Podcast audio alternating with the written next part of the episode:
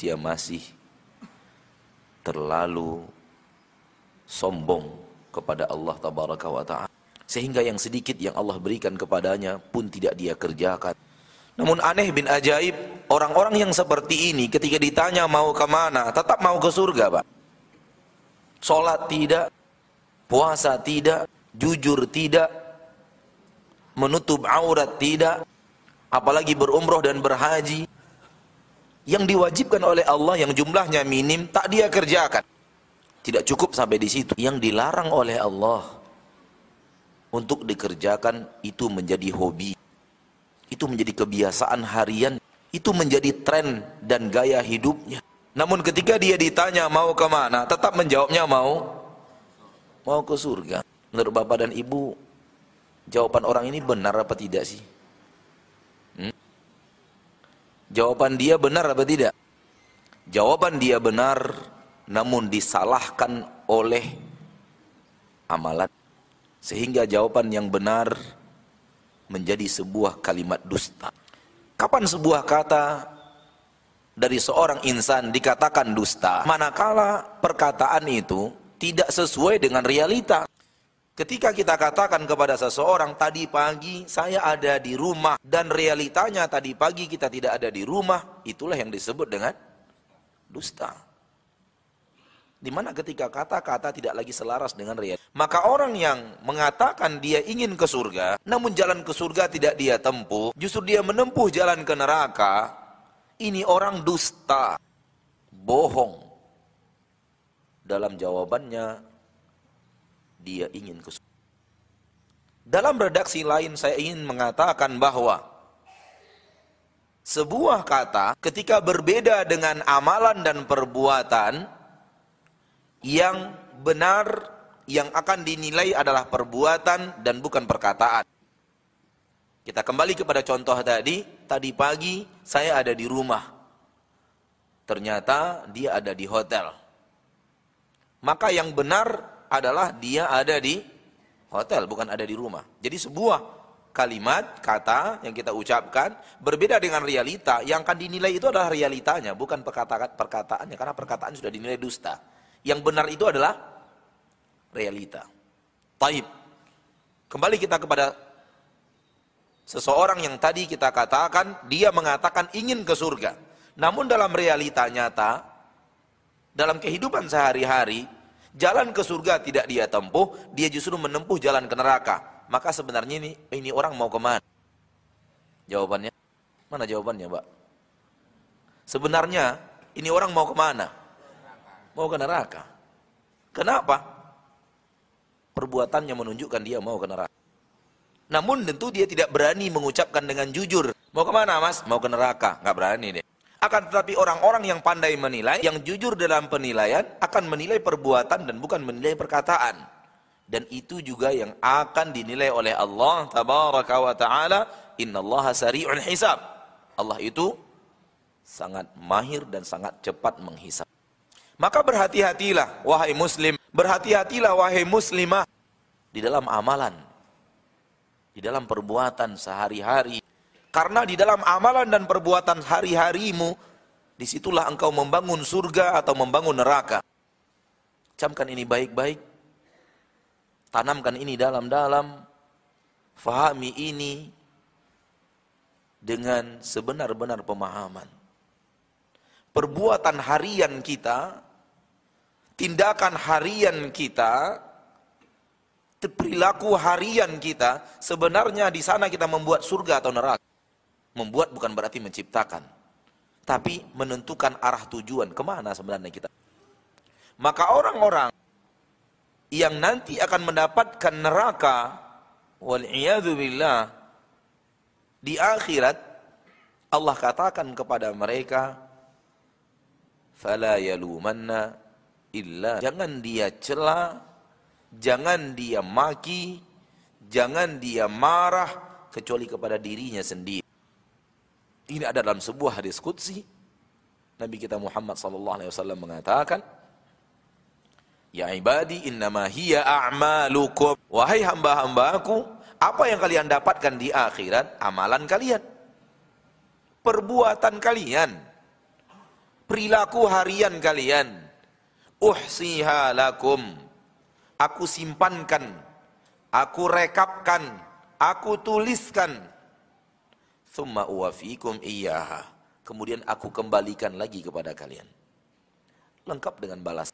Maka kalau tidak mendapatkan kebaikan akhirat, alias tidak mendapatkan surga di akhirat, dan mendapatkan neraka, jangan salahkan siapa-siapa kecuali salahkan diri sendiri. Kenapa? Karena semua ini adalah buah yang kita petik dari perbuatan kita sendiri. Ini yang saya maksud bahwa hari demi hari yang kita lalui di sini kita sedang membuat surga untuk hidup kita atau membuat neraka untuk hidup kita dalam kehidupan kita yang kedua. Allah berfirman di awal-awal surat Al-Baqarah, "Kaifa takfuruna billahi wa kuntum amwata thumma yumitukum thumma yuhyikum thumma ilaihi turja'un." Bagaimana mungkin kalian akun akan kufur kepada Allah? Wa kuntum amwata. Kalian sebelumnya orang yang tidak hidup, mayat, orang yang tidak ada. Fa ahyakum. Kemudian dia hidupkan kalian. Ini dia kehidupan kita yang sekarang yang disebut dengan kehidupan dunia atau disebut dengan kehidupan ula, kehidupan yang pertama. Thumma. Kemudian dia yaitu Allah akan mewafatkan kalian. Itulah wafat yang dikenal oleh manusia. Yaitu wafat pasca kehidupan di alam dunia. Di kehidupan yang pertama. Thumma yuhyikum. Kemudian dia akan hidupkan kalian lagi. Itulah dia kehidupan kedua. Itulah dia kehidupan akhir. Yang disebut dengan yaumil akhir. Hari yang terakhir. Hari akhirat. Setelah Allah mengatakan thumma yuhyikum, kemudian dia hidupkan kalian dalam kehidupan yang kedua, Allah tidak lagi menyebut kematian. Allah mengatakan thumma ilaihi turja'un, kemudian kalian akan dikembalikan kepadanya. Ketika Allah tidak lagi menyebut kematian setelah kehidupan yang kedua, ini sudah cukup menjadi dalil bahwa tidak ada kematian kalau kita sudah hadir di hari akhirat. Maka hari akhirat, hari yang kekal abadi. Karena yang ada adalah kehidupan dan Allah tidak lagi menyebut kematian setelah. Dan ini diragukan oleh sebahagian manusia yang entah tidak berilmu, tidak belajar atau terlalu rajin sehingga kelewat batas. Sehingga punya pemahaman yang salah bahwa akhirat itu akan berakhir dan fana, surga akan berakhir dan hancur. Dan ini bohong ada kehidupan pertama yaitu kehidupan dunia dan ada kehidupan yang terakhir yaitu kehidupan akhirat atau kehidupan kedua dan kita akan hidup di dua alam ini. Pertama alam dunia, yang kedua alam akhirat. Alam dunia sepanjang yang kita tahu. Alam akhirat hidup tanpa batas waktu. Kekal abadi. Kehidupan kita di dunia kira-kira berapa tahun? Kira-kira berapa tahun? Kata kata Nabi Muhammad SAW, "A'maru ummati ma bayna sittina ila sab'in. Umur umatku antara 60 sampai 70 tahun. Secara mayoritas 60 dan 70 tahun wa aqall wa aqalluhum man. Dan sedikit dari mereka yang melewati umur 70 tahun itu. Ini perkataan Rasul kita tercinta Muhammad sallallahu alaihi wasallam. Namun Rasul berbicara tentang mayoritas umatnya dari dari zaman beliau sampai hari kiamat. Tapi tidak tertutup kemungkinan ada umat-umat yang umurnya lebih singkat daripada 60 tahun dan kita mungkin masuk umat. Karena apabila kita lihat sekarang 40 sudah meninggal, 30, 50 sudah meninggal, 59 setengah belum dapat 60 sudah meninggal. Karena makan kita semakin tidak teratur, istirahat kita semakin tidak teratur dan manusia-manusia serakah yang membuat penyakit di dalam makanan demi melariskan makanan itu. Namun kita suka makan makanan itu karena lezat menurut kita. Akhirnya umur manusia di akhir zaman semakin pendek. Ditambah dengan banyaknya sarana yang membuat kematian mendadak. Naik sepeda motor tabrakan meninggal dunia. Mudik pulang kampung tabrakan meninggal dunia. Mudik pulang ke Sumatera Barat, ke Sumatera Utara, naik kapal tenggelam, meninggal dunia, Naik pesawat jatuh meninggal dunia, naik kereta api tabrakan meninggal dunia. Banyak sekali sarana-sarana yang membuat manusia semakin cepat bertemu dengan kematian. Dan kematian mendadak banyak sekali terjadi di akhir zaman. Dan kita umat, ala kulihal saya ingin mengatakan umur kita di dunia ya kira-kira 60 tahun, 70 tahun. Hanya segitu umur kita di dunia.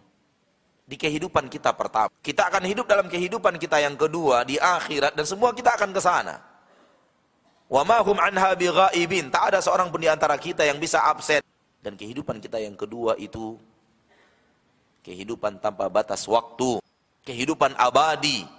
Tak ada masa akhirnya. Kalau usia kita di akhirat 5 juta triliun tahun itu belum lagi itu. Karena belum abadi. Padahal untuk membayangkan usia sebanyak itu pun kita masih bingung gimana cara membayangkan. Ala kulli hal kehidupan kita di akhir kehidupan yang sangat luar biasa. Tak ada batas akhir. Sementara kehidupan di dunia hanya 60 60 tahun. 70 tahun. Dari 60 tahun itu usia produktifnya pun tidak sebanyak itu. 15 tahun sudah habis sebelum balik masa penyempurnaan akal. Masa pembelajaran. Baru setelah 15 tahun ada hukum taklif, hukum wajib menjalankan syariat. 8 jam sehari tidur, kali 60 tahun. Tak terasa habis juga 15 tahun usia kita untuk tidur, Pak. 15 habis sebelum balik, 15 habis untuk tidur, tinggal berapa? Tinggal 30 tahun usia produktif. Saya ingin mengatakan, di usia produktif inilah kita membangun surga atau membangun neraka. Maka orang-orang yang ingin ke surga bersabarlah saudaraku. Hanya 30 tahun. Kalau ada orang-orang kemudian mengatakan Anda aneh, Anda kok gak sesuai dengan dengan orang zaman sekarang, Anda kok kelihatannya seperti teroris, atau kata-kata lain yang sering didera, sering mendera orang-orang yang berusaha membangun surganya di dunianya, sabarlah. Hanya 30 tahun. Sabar 30 tahun untuk kehidupan nikmat abadi selama-lamanya bukanlah pengorbanan yang besar. Menurut saya. Alangkan malangnya nasib orang-orang yang tidak sabar di atas jalan ibadah, di atas jalan ketaatan. Dalam 30 tahun usia produktifnya. Lalu dia habiskan kelezatan-kelezatan dunia yang dia inginkan padahal ia tahu Allah mengharamkan, padahal dia tahu Allah melarang. Dan akhirnya dalam 30 tahun usia produktifnya dia malah membangun neraka. Sehingga dia nikmati kenikmatan dunia yang secuil selama 30 tahun untuk menderita dalam kehidupan yang kekal abadi. Sungguh tidak masuk akal. Oleh karena itu seluruh orang-orang yang ke neraka mengaku di dunia tidak berakal.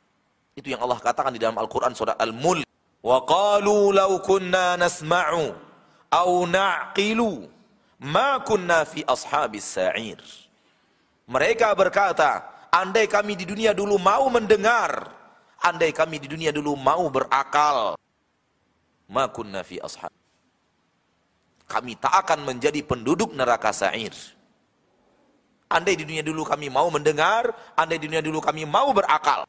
Maka orang yang menghabiskan kenikmatan dunianya di usia yang sangat minim untuk menderita selama-lamanya dalam kehidupan yang kedua, orang yang tidak berakal. Orang yang berakal adalah inna fi khalqis samawati wal ardi wa ikhtilafil laili wan nahar la ayatin li ulil albab. Ada tanda-tanda kebesaran Allah dalam penciptaan langit dan bumi untuk orang-orang yang berakal. Siapa orang yang berakal? Menurut Allah, alladzina yadhkuruna Allah qiyaman wa qu'udan wa ala junubihim. Orang yang berakal itu orang yang selalu berzikir kepada Allah ketika mereka berdiri. Berzikir maksudnya beribadah dalam keadaan berdiri mereka beribadah. Qu'udan dalam keadaan duduk mereka beribadah. Wa ala junubihim dalam keadaan berbaring pun mereka beribadah. Ini orang yang berakal menurut Allah. Kenapa saya mengatakan menurut Allah? Karena Allah yang menyampaikannya kepada kita di dalam Al-Quranul Karim. Ini orang yang berakal menurut Allah. Orang yang berjalan di jalan-jalan yang akan di jalan itu dia membangun surganya dalam kehidupan keduanya. Karena ibadah dengan seluruh cabangnya adalah jalan ke surga. Dan kita tidak pernah tahu dari jalan yang mana Allah membukakan untuk kita pintu surganya. Oleh karena itu tidak boleh meremehkan ibadah sekecil apa pun. Ada orang yang masuk surga dari jalan salat. Ada orang yang masuk surga dari jalan puasa. Ada orang yang masuk surga dari jalan sabar. Ada orang yang masuk surga dari jalan pengasih dan penyayang. Ada orang yang masuk surga dari pintu infak dan sadaqah. Ada orang yang masuk surga dari pintu tahajud. Ada orang yang masuk surga dari pintu pemaaf, dari jalan-jalan yang beraneka ragam. Bahkan ada orang yang Allah bukakan untuknya pintu surga. Karena sebuah pohon yang melintang di jalan, lalu dia singkirkan pohon itu dari jalan agar kaum muslimin mudah melewati jalan itu. Dan ada yang Allah bukakan pintu surga untuk seorang yang memberikan minum kepada seekor anjing yang sangat kehausan di padang pasir. Kita tidak pernah tahu pintu surga mana yang akan terbuka dengan amalan kita. Semoga kita menjadi penduduk surga. Tanpa singgah ke neraka. Maka tugas kita hidup di permukaan bumi adalah memperbanyak jalan-jalan ke surga. Dan sabar di atas jalan ke surga itu. Sabar ada tiga, ma'asyarul muslimin, ma'asyarul muslimat. Dikatakan oleh Imam Ibn Qayyim al-Jauziyah di dalam kitab, Madarijus Salikin. Beliau mengatakan sabar ada tiga.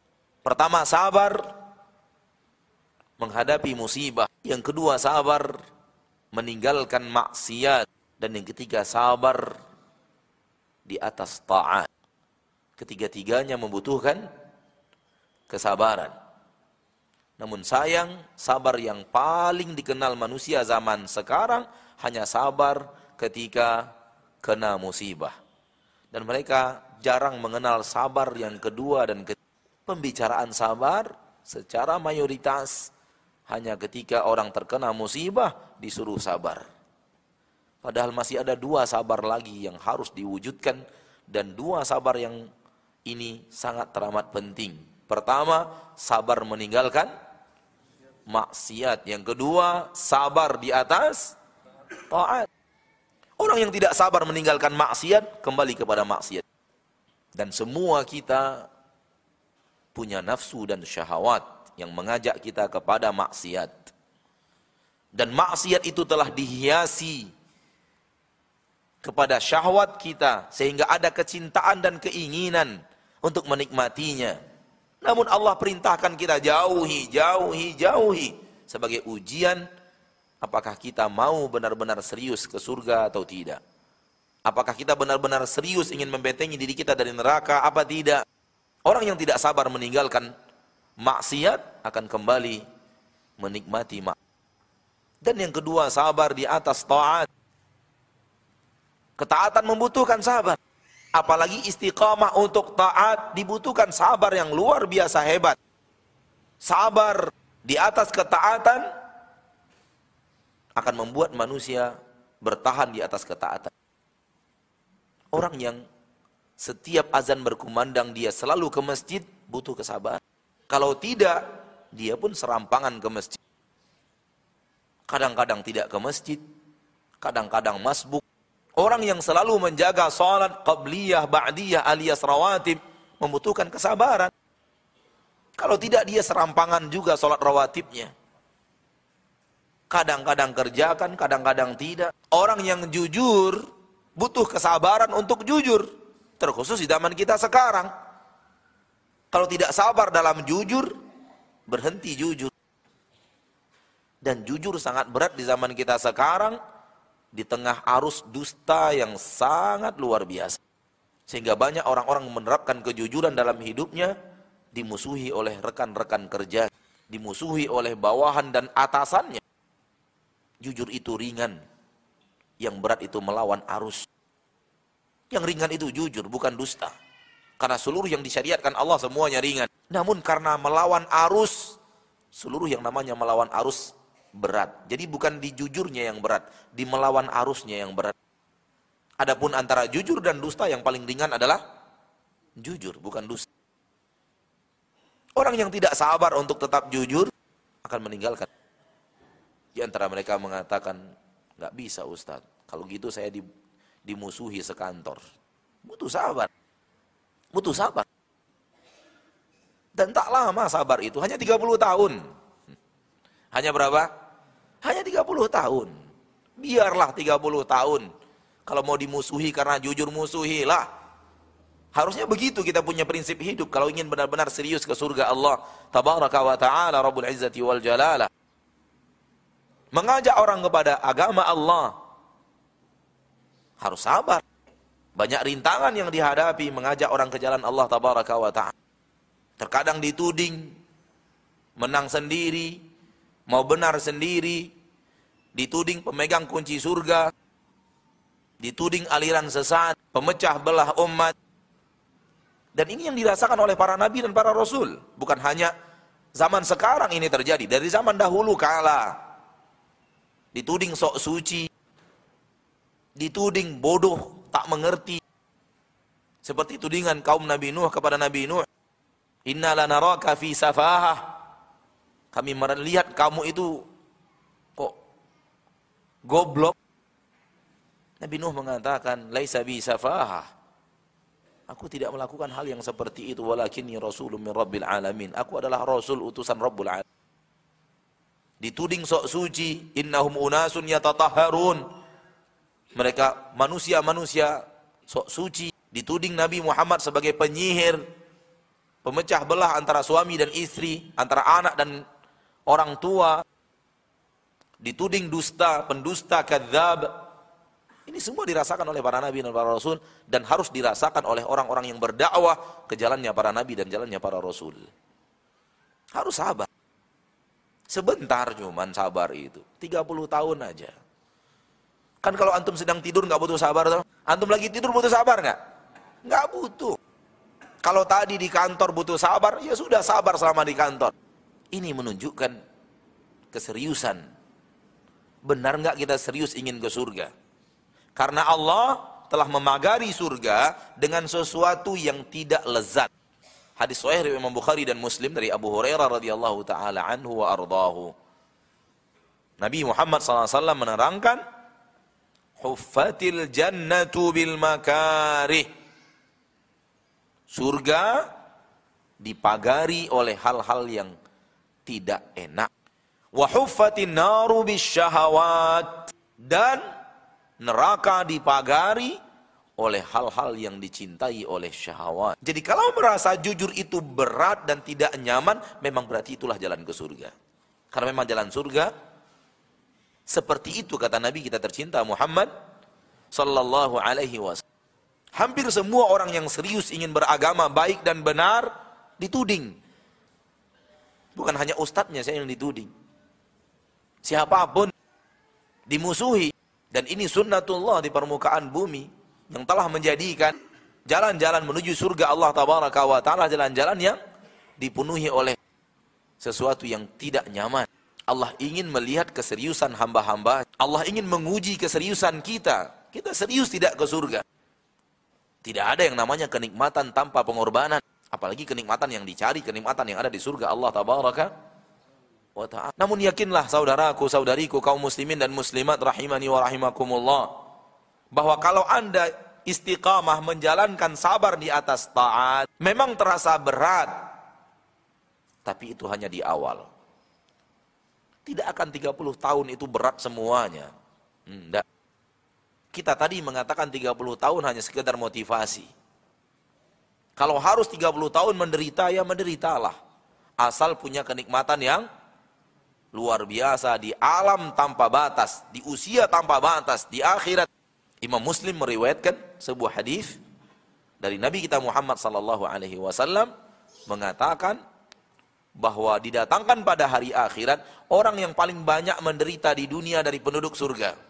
Di dunia dia yang paling banyak mendapatkan penderitaan, ketidaknyamanan. Lalu Allah masukkan sebentar dia ke surga dan dikeluarkan lagi. Allah bertanya kepadanya, pernahkah berlalu ketidaknyamanan dalam hidupmu? Dia mengatakan tidak pernah. Itu orang yang paling banyak penderitaannya di permukaan bumi yang Allah masukkan ke dalam surga. Sebaliknya kata Nabi SAW, dimasukkan ke dalam neraka sebentar dan dikeluarkan, orang yang paling banyak dapat nikmat dunia di dunia dari penduduk neraka. Setelah dimasukkan sebentar ke neraka, diangkat lagi ditanya kepadanya, pernahkah berlalu nikmat dalam hidupmu? Dia mengatakan tidak pernah. Artinya penduduk neraka akan lupa dengan nikmat-nikmatnya. Sebagaimana penduduk surga akan lupa dengan penderitaan yang dia alami.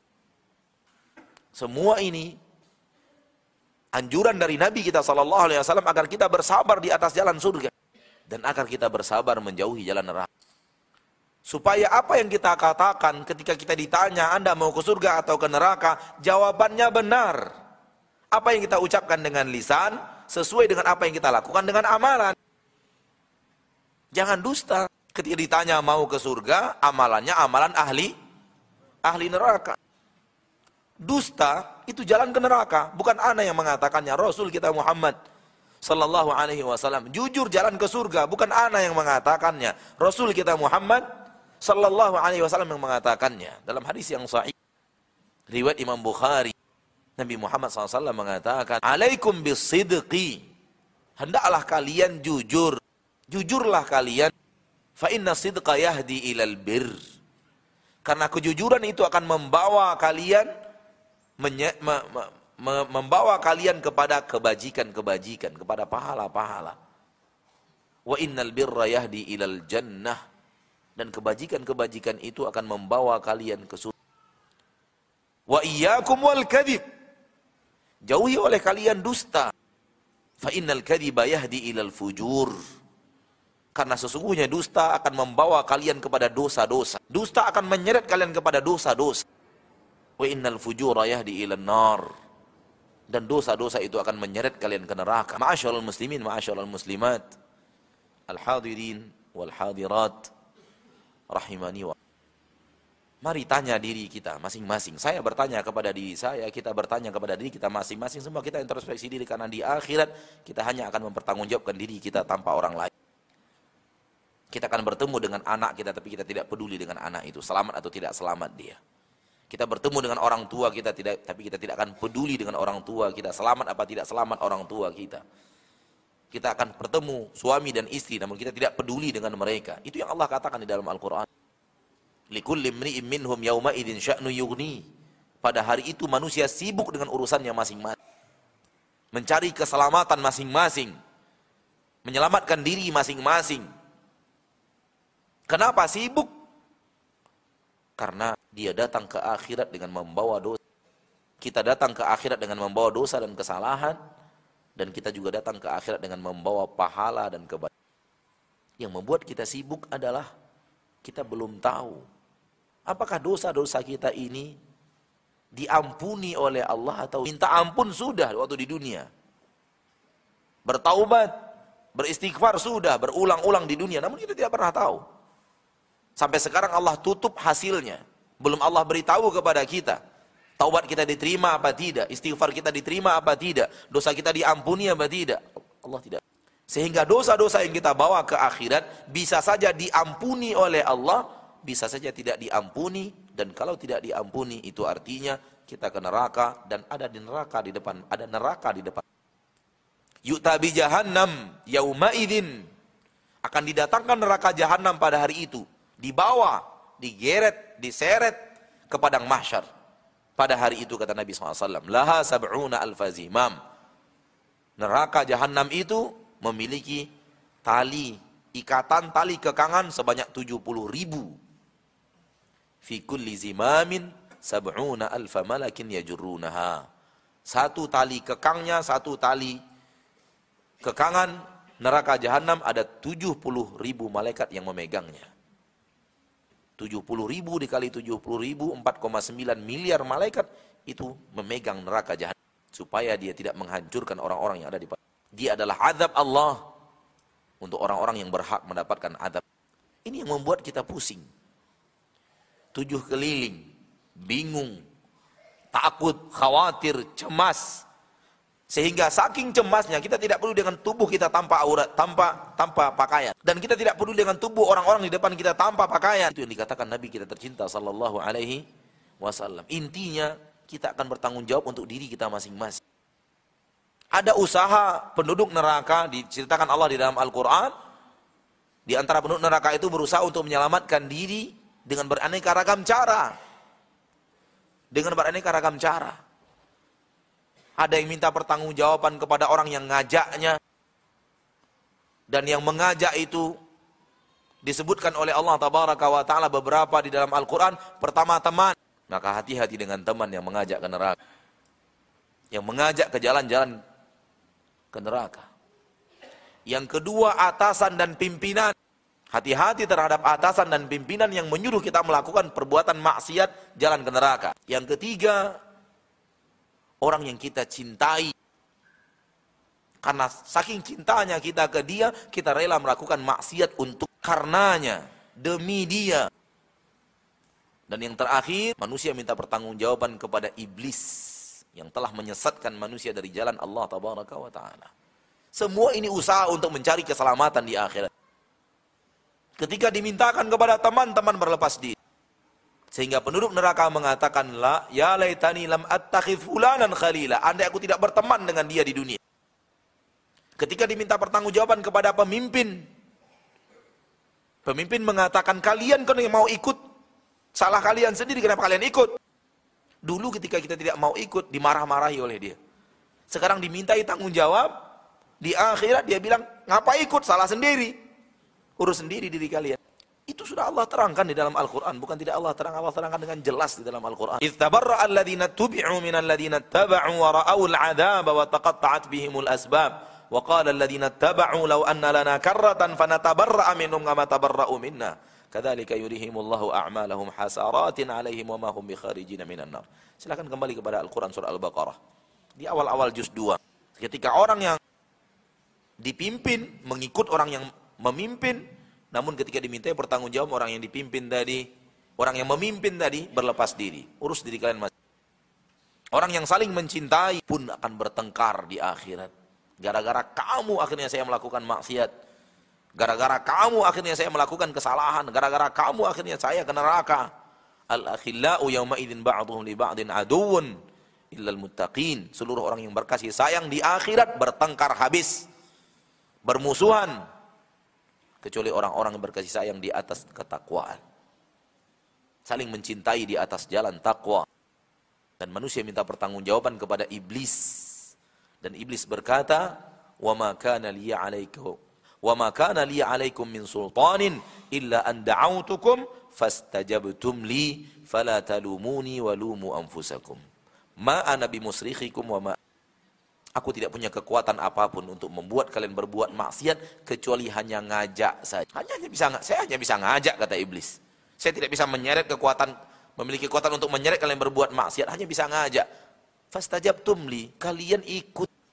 Fala talumuni, jangan kalian cela saya, kalian jangan, jangan kalian maki saya. Walumu anfusakum, maki diri kalian sendiri. Ma ana bimusrihikum, aku tidak bisa nolong kalian. Wa ma antum bimusrihi, kalian tidak bisa nolong aku. Ini perkataan iblis. Allah sudah terangkan di akhirat supaya kita berhati-hati. Penduduk neraka mencari jalan selamat, nggak dapat. Lalu minta kepada Allah dikembalikan ke dunia untuk menjadi orang saleh. Rabbana absarna wa sami'na farji'na na'mal salihah. Inna muqinun. Wahai Rabb kami, kami sudah melihat. Wahai Rabb kami, kami sudah yakin. Yakin nggak perlu lagi kalau sudah ketemu neraka dan dan surga. Nggak perlu yakin. Tidak ada guna yakin di sana. Yakin di saat kita tidak berlihat neraka dan tidak melihat surga, itu yakin yang bermanfaat. Tapi yakin kalau sudah bertemu, tidak ada gunanya. Maka orang yang yakin ketika sudah melihat neraka dan surga, tidak Allah terima keyakinannya. Orang yang beriman setelah melihat surga dan neraka, Allah tidak tidak anggap imannya. Orang yang yakin dengan hari akhir setelah bertemu hari akhir, nggak Allah anggap keimanannya. Orang yang percaya dengan adanya surga dan neraka setelah melihat surga dan neraka tidak ada arti daripada beriman. Iman itu baru ya, baru berfungsi ketika kita tidak melihat namun kita yakin dengan apa yang Allah katakan, yakin dengan apa yang Rasulullah katakan dan berjalan ya. Rabbana sami'na wa Rabbana sami'na wa absarna farji'na na'mal salihan. Kembalikan kami ke dunia wahai Rabb. Kami mau beramal saleh. Minta kepada Allah ya Allah kembalikan kami ke dunia. Kami mau jadi orang. Kalau kita kalau kita aplikasikan lebih luas dalam aplikasi lebih luas, dalam realita lebih luas, Ya Allah balikkan saya ke dunia, saya nggak mau jadi bintang film. Kira-kira gitu. Ya Allah kembalikan kami ke dunia, saya nggak mau jadi musisi. Saya nggak mau jadi artis, aktor berbuat maksiat. Saya tidak mau membuka aurat demi uang. Saya tidak mau berzina, saya tidak mau mencuri, saya tidak mau berdusta, saya tidak mau khianat, saya tidak mau dusta. Kalau kita jabarkan dengan jabaran-jabaran yang beraneka ragam. Na'mal salih, kami mau beramal saleh. Inna muqinun, sekarang kami sudah percaya. Tak ada gunanya percaya.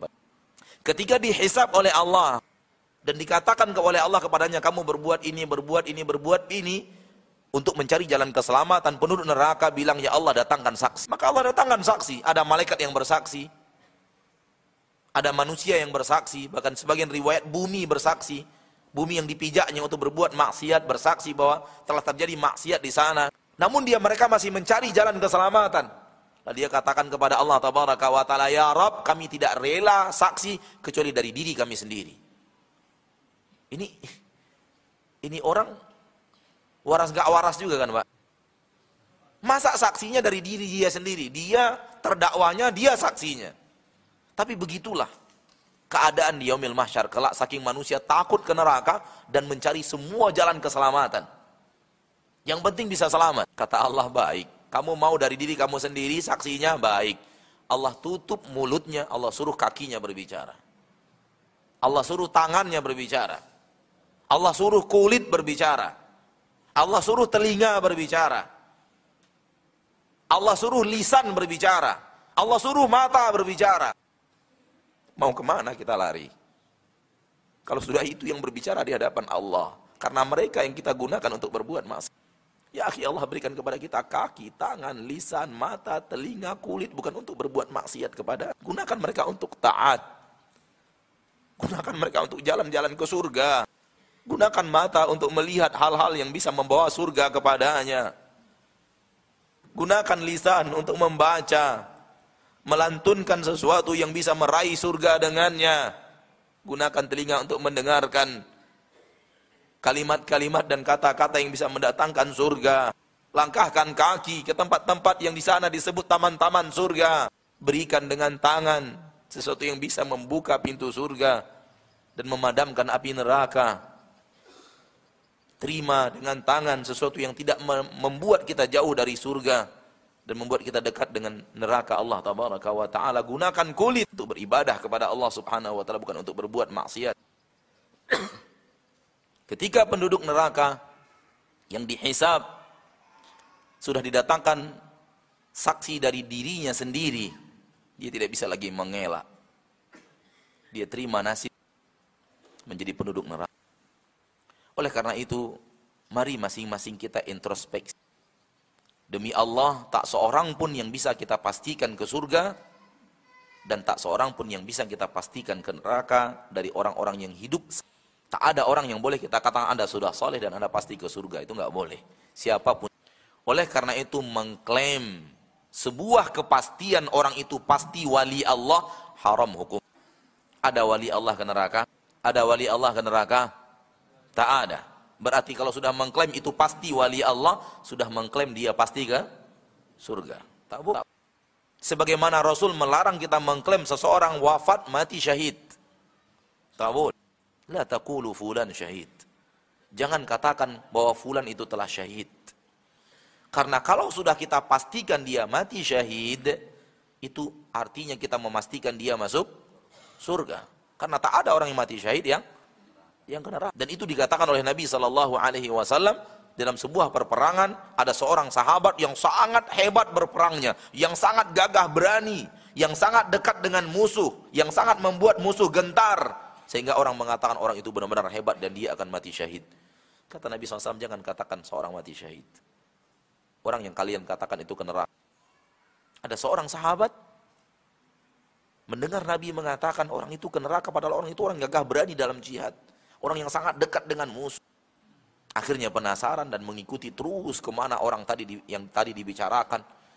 Dia ikuti terus dan terbukti apa yang dikatakan Nabi karena Nabi berbicara pakai wahyu bukan pakai nafsu. Nabi mendapatkan berita dari Allah dan Allah tidak pernah salah. Allah tahu segala-galanya. Ternyata orang tadi ternyata orang tadi setelah pertempuran usai dia mendapatkan luka parah yang luar biasa karena terlalu dekat dengan musuh. Akhirnya dia tidak sabar dengan lukanya yang parah bercampur dengan pasir sangat pedih. Akhirnya dia letakkan gagang pedangnya di tanah, ujungnya diletakkan di perut lalu kemudian dia bertelekat. Bunuh diri. Dan orang yang bunuh diri ke neraka. Dan dia akan melakukan di neraka seperti apa yang dia lakukan ketika bunuh diri di dunia. Itu kata Nabi kita tercinta sallallahu alaihi wasallam. Barang siapa yang menggantung dirinya di dunia lalu mati, di akhirat akan gantung diri di neraka akan gantung diri. Barang siapa yang terjun dari gunung untuk mati di neraka nanti ada gunung, dia akan terjun dari gunung itu dan mati.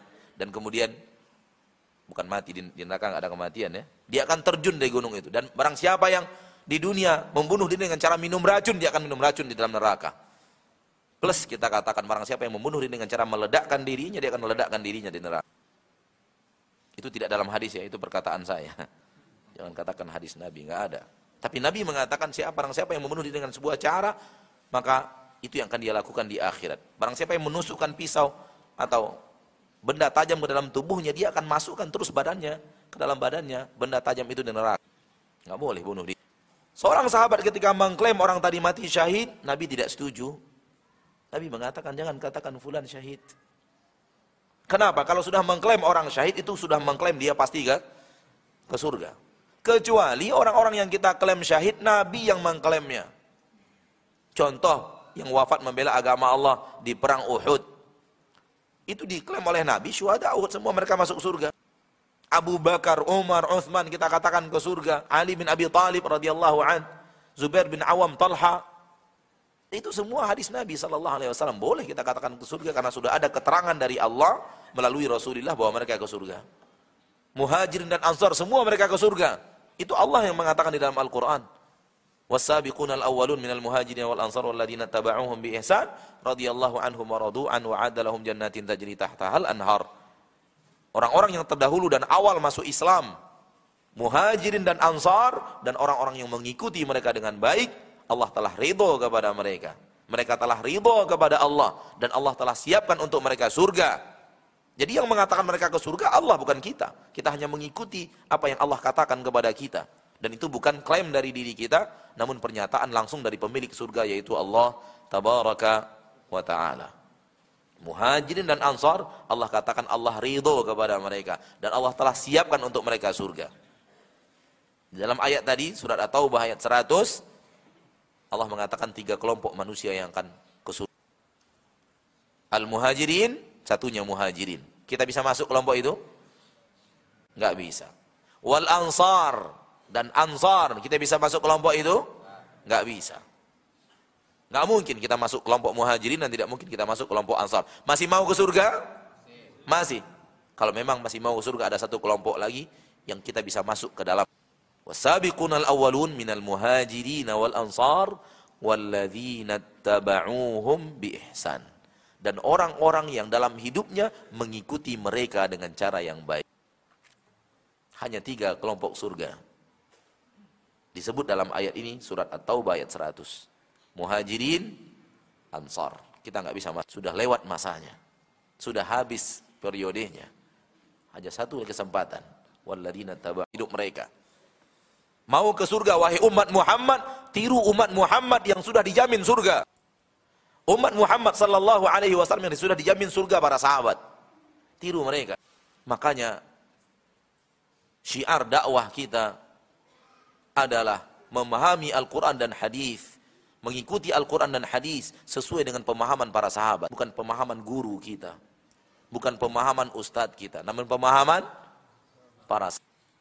jalan yang hak bahwa ke surga itu dengan mengikuti para karena standarisasi kebenaran untuk umat Nabi Muhammad adalah standarisasi kebenaran untuk umat yang telah dijamin surga dari umat Nabi Muhammad sallallahu alaihi wasallam. Dan mereka hanyalah para maka syiar dakwah adalah kembali kepada Al-Qur'an dan hadis sesuai dengan pemahaman kembali kepada Al-Qur'an dan hadis sesuai dengan pemahaman salafus salih. Salafus salih itu para sahabat. Syekh Salim bin Eid Al-Hilali di dalam kitab beliau mengatakan setiap kalimat as-salafus salih saja as-salafus salih umum begitu mutlak itu milik para sahabat secara makna milik para sahabat dan orang-orang yang mengikuti mereka dari salafus salih generasi tabi'in dan atba baik mari serius dan introspeksi diri apakah kita benar-benar sabar meninggalkan maksiat Apakah kita benar-benar sabar berjalan di atas taat karena itulah jalan ke. Manakala disampaikan orang kepada kita sesuatu yang dilarang oleh Allah dan Rasul, berarti itu jalan ke neraka. Kita harus segera tinggalkan. Tanda kita serius mau ke surga. Namun kalau kita masih ragu-ragu mau ke surga, kita pun ragu-ragu meninggalkan. Tapi orang yang serius mau ke surga akan serius meninggalkan kalau yang diperintahkan datang ayat atau hadis disampaikan kepada kita merupakan perintah. Kalau dia wajib tak boleh. Kalau dia sunat lakukan semaksimal yang kita mampu untuk istiqamah. Maka bersabarlah di atas ketaatan, bersabarlah di atas ketaatan ma'asyarul muslimat, bersabarlah meninggalkan maksiat. Mudah-mudahan dengannya Allah benar-benar melihat keseriusan kita ke surga. Sehingga benar-benar Allah berikan kepada kita apa Allah menunggu keseriusan. Dan hamba yang serius ke surga tidak akan Allah masukkan ke neraka.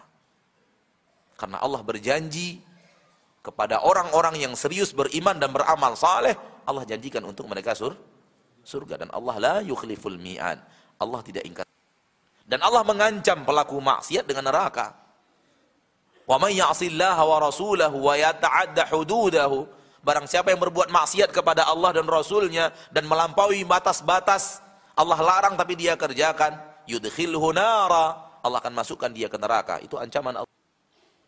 Namun sebaliknya, wa may yuti'illah wa rasulahu yudkhilhu jannat. Barang siapa yang taat kepada Allah dan Rasulnya, Allah masukkan mereka ke surga. Maka seriuslah untuk taat kepada Allah dan taat kepada Rasulullah sallallahu alaihi Salah satu ciri-ciri suami penduduk surga adalah hadis yang sahih diriwayatkan oleh Imam Mus Imam Bukhari. Ketika ditanyakan oleh seorang suami kepada Nabi sallallahu alaihi wasallam, ajarkan saya amalan yang dengannya saya masuk surga ya Rasulullah. Kata Rasulullah SAW, amsik lisanak wal yasa'ka Jalan ke surga banyak. Jalan ke surga apa? Banyak. Namun di antara spesifik jalan ke surga untuk seorang suami khusus bagi yang sudah bersuami dan yang akan segera berumah tangga. Kata Nabi SAW ketika ditanya, kata Nabi SAW, jalan ke surga ketika dia orang itu bertanya, ajarkan saya amalan yang membuat saya masuk surga ya Rasulullah. Kata Rasulullah, tahan lisan. Tahan lisanmu. Tahan dari maksiat tentunya. Kalau dari ketaatan justru dilepaskan sebanyak-banyak. Wal yasa'ka baituk dan hendaklah rumahmu terasa lapang untukmu dan rumahmu hendaklah terasa lapang untukmu ini perintah Rasul rumah harus terasa lapang oleh kita dan Rasul orang yang mengamalkan hadis ini pertama kali Rasul merasa rumahnya sangat lapang padahal rumahnya sangat sempit berarti lapang yang dimaksud bukan lapang dalam bentuk ukuran meter kali meter tapi kenyamanan ketenangan, dan sukanya kita berada di rumah dibanding tempat-tempat yang lain. Wahai para suami, tanyakan kepada diri, mana tempat yang paling antum suka duduk di dalamnya? Kalau jawabannya rumah saya sendiri, mantap, mantap. Tapi kalau jawabannya selain itu, hati-hati. Ketika para sahabat Ridwanullahi alaihim ajma'in menceritakan kepada kita Rasul kita Muhammad sallallahu alaihi wasallam Para sahabat mengatakan Rasul itu kalau di luar tidak ada pekerjaan, tidak ada yang diurus, sudah selesai, tak ada lagi yang diurus, beliau itu pulang, nggak ke mana-mana, pulang. Misalnya ada sholat, sholat, selesai sholat, beliau tidak ingin memberikan kajian, tak ingin memberikan tausiah, pulang, masuk rumah. Ada rapat, hadir rapat, masuk rumah. Mengunjungi orang sakit, pergi mengunjungi orang sakit. Menyelatkan jenazah, solatkan jenazah, tasyi'ul jenazah. Tidak ada lagi urusan, pulang. Ini sifat Rasul. Yang harus kita tiru. Tak ada urusan kita di luar, ngapain di luar? Pulang. Bahasa saya, jadilah suami pemulang. Suka pulang. Jadilah suami yang suka pulang, sukanya duduk di rumah. Ngapain di rumah? Ya terserah mau ngapain, baca Quran, bercengkrama sama anak dan istri, menolong istri nyuci baju, menjahit pakaian sendiri. Rasulullah menjahit pakaiannya sendiri. Intinya adalah betah di rumah. Senang duduk di rumah. Salah satu sifat yang harus kita cari, karena sudah banyak orang yang tidak betah tinggal di rumahnya. Karena satu dan lain. Boleh jadi karena yang di rumah itu tidak pandai membuat suasana rumah nyaman, ditambah dia yang tidak sabar, atau panggilan di luar terlalu asyik. Lebih asyik daripada panggilan orang yang ada di dalam rumah. Terjemahkan masing-masing. Ini untuk para suami. Sekarang untuk para istri. Islam itu adil. Dengarkan wahai para istri. Mau ke surga? Serius. Harus serius dalam beramal. Rasulullah SAW mengatakan untuk para istri. Idza salatil mar'atu khamsaha kalau wanita sudah sholat lima waktu, wasamat syahraha, dan dia telah pula puasa di bulan Ramadan, wahafidhat farjaha, dan dia telah menjaga kemaluannya, wa ata'at ba'laha, dan dia taat kepada suaminya, qilalaha akan dikatakan kepada istri itu dan wanita itu, udkhulil jannah min haitsu abwabil jannati syi'ti. Masuklah kamu wahai wanita ke surga dari pintu mana pun yang kamu suka. Ada empat di sini. Pertama, salat lima waktu. Yang kedua, puasa Ramadan. Yang tiga, ketiga menjaga kehormatan dengan cara tidak berzina. Yang keempat, taat kepada suami. Serius. Saya yakin Ibu-ibu yang hadir di majelis ini sudah pada sholat lima waktu. Dan saya yakin ibu-ibu yang hadir di majelis ini telah puasa Ramadan.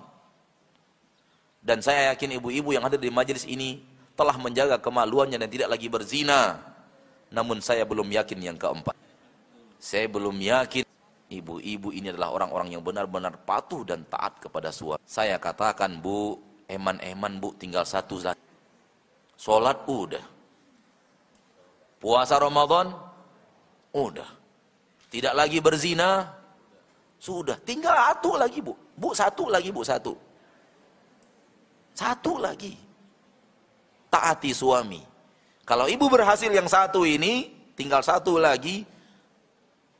Nabi mengatakan akan dikatakan kepadanya nanti masuklah surga pintu mana pun yang kamu mau. Ya Allah bu, sayang bu, tinggal satu lagi. Maka seriuskan taat kepada suami. Apa yang harus dilakukan istri untuk taat kepada suami? Wajib dia patuh apa yang diperintahkan suaminya selagi perintah suami tidak bertabrakan dengan perintah Allah dan Rasul. Apa pun yang diperintahkan suami tidak bertabrakan dengan perintah Allah dan Rasulnya wajib taat. Kalau sudah bertabrakan dengan perintah Allah dan Rasulnya tidak wajib taat. La ta'ata li makhlukin fi maksiatil khaliq. Tidak boleh taat kepada makhluk dalam hal berbuat maksiat kepada al-khaliq. Jadi selagi perintah suami tidak bertabrakan dengan syariat, wajib taat. Syarat yang kedua, ibu mampu mengerjakannya. Dan tidak ada kewajiban untuk hal yang tidak dimampui dan tidak bisa dilakukan dan tidak mampu dilakukan oleh seorang manusia. Dan Allah tidak pernah membebankan jiwa sesuatu yang tidak mampu dia kerjakan apalagi suami tidak berhak membebani istrinya sesuatu yang tidak sanggup dikerjakan oleh oleh istri. Selagi dia tidak bertabrakan dengan syariat dan selagi ibu itu mampu mengerjakannya, tidak ada halangan untuk mampu mengerjakannya, maka kewajiban kepada suami menjadi ketaatan kepada suami menjadi wajib. Maka taatlah kepada suami. Ini mungkin tausiah kita di pagi hari jelang siang ini di udara dan cuaca yang sangat luar biasa. Panas tidak, dingin pun tidak. Dan ini seperti ini cuaca surga. Iya. Cuaca surga itu panas tidak pun tidak. Tapi yang jelas yang di surga tentu lebih baik dari cuaca sekarang. Cuman saya ingin menyampaikan seperti itu keadaan suasana di surga Allah Subhanahu wa taala. Panas tidak membuat kita tidak panas sehingga tidak membuat kita kepanasan dan dinginnya tidak membuat kita menderita. Berbeda dengan neraka. Neraka hawanya dua. Pertama panas yang sangat panas sehingga membuat menderita. Yang kedua dingin sangat dingin sehingga membuat penduduknya menderita. Jadi neraka itu hawanya ada dua. Panas terlalu panas, dingin terlalu. Semoga Allah taala jaga kita semuanya dari nerakanya dan semoga Allah Subhanahu wa taala memberikan kepada kita keseriusan untuk mengejar surga Allah Subhanahu wa taala dan menghindarkan diri dari neraka Allah tabarak. Seseorang istri akan masuk surga bila salat, puasa, menjaga kemaluan, taat kepada suami. Bila tidak ada suami bagaimana Ustaz? Cari. Cari suami. Iya. Jangan nyerah, jangan nyerah. Cari suami. Ya cari lagi. Emang lelaki hanya suami yang sudah meninggal satu-satunya? Kan enggak. Berarti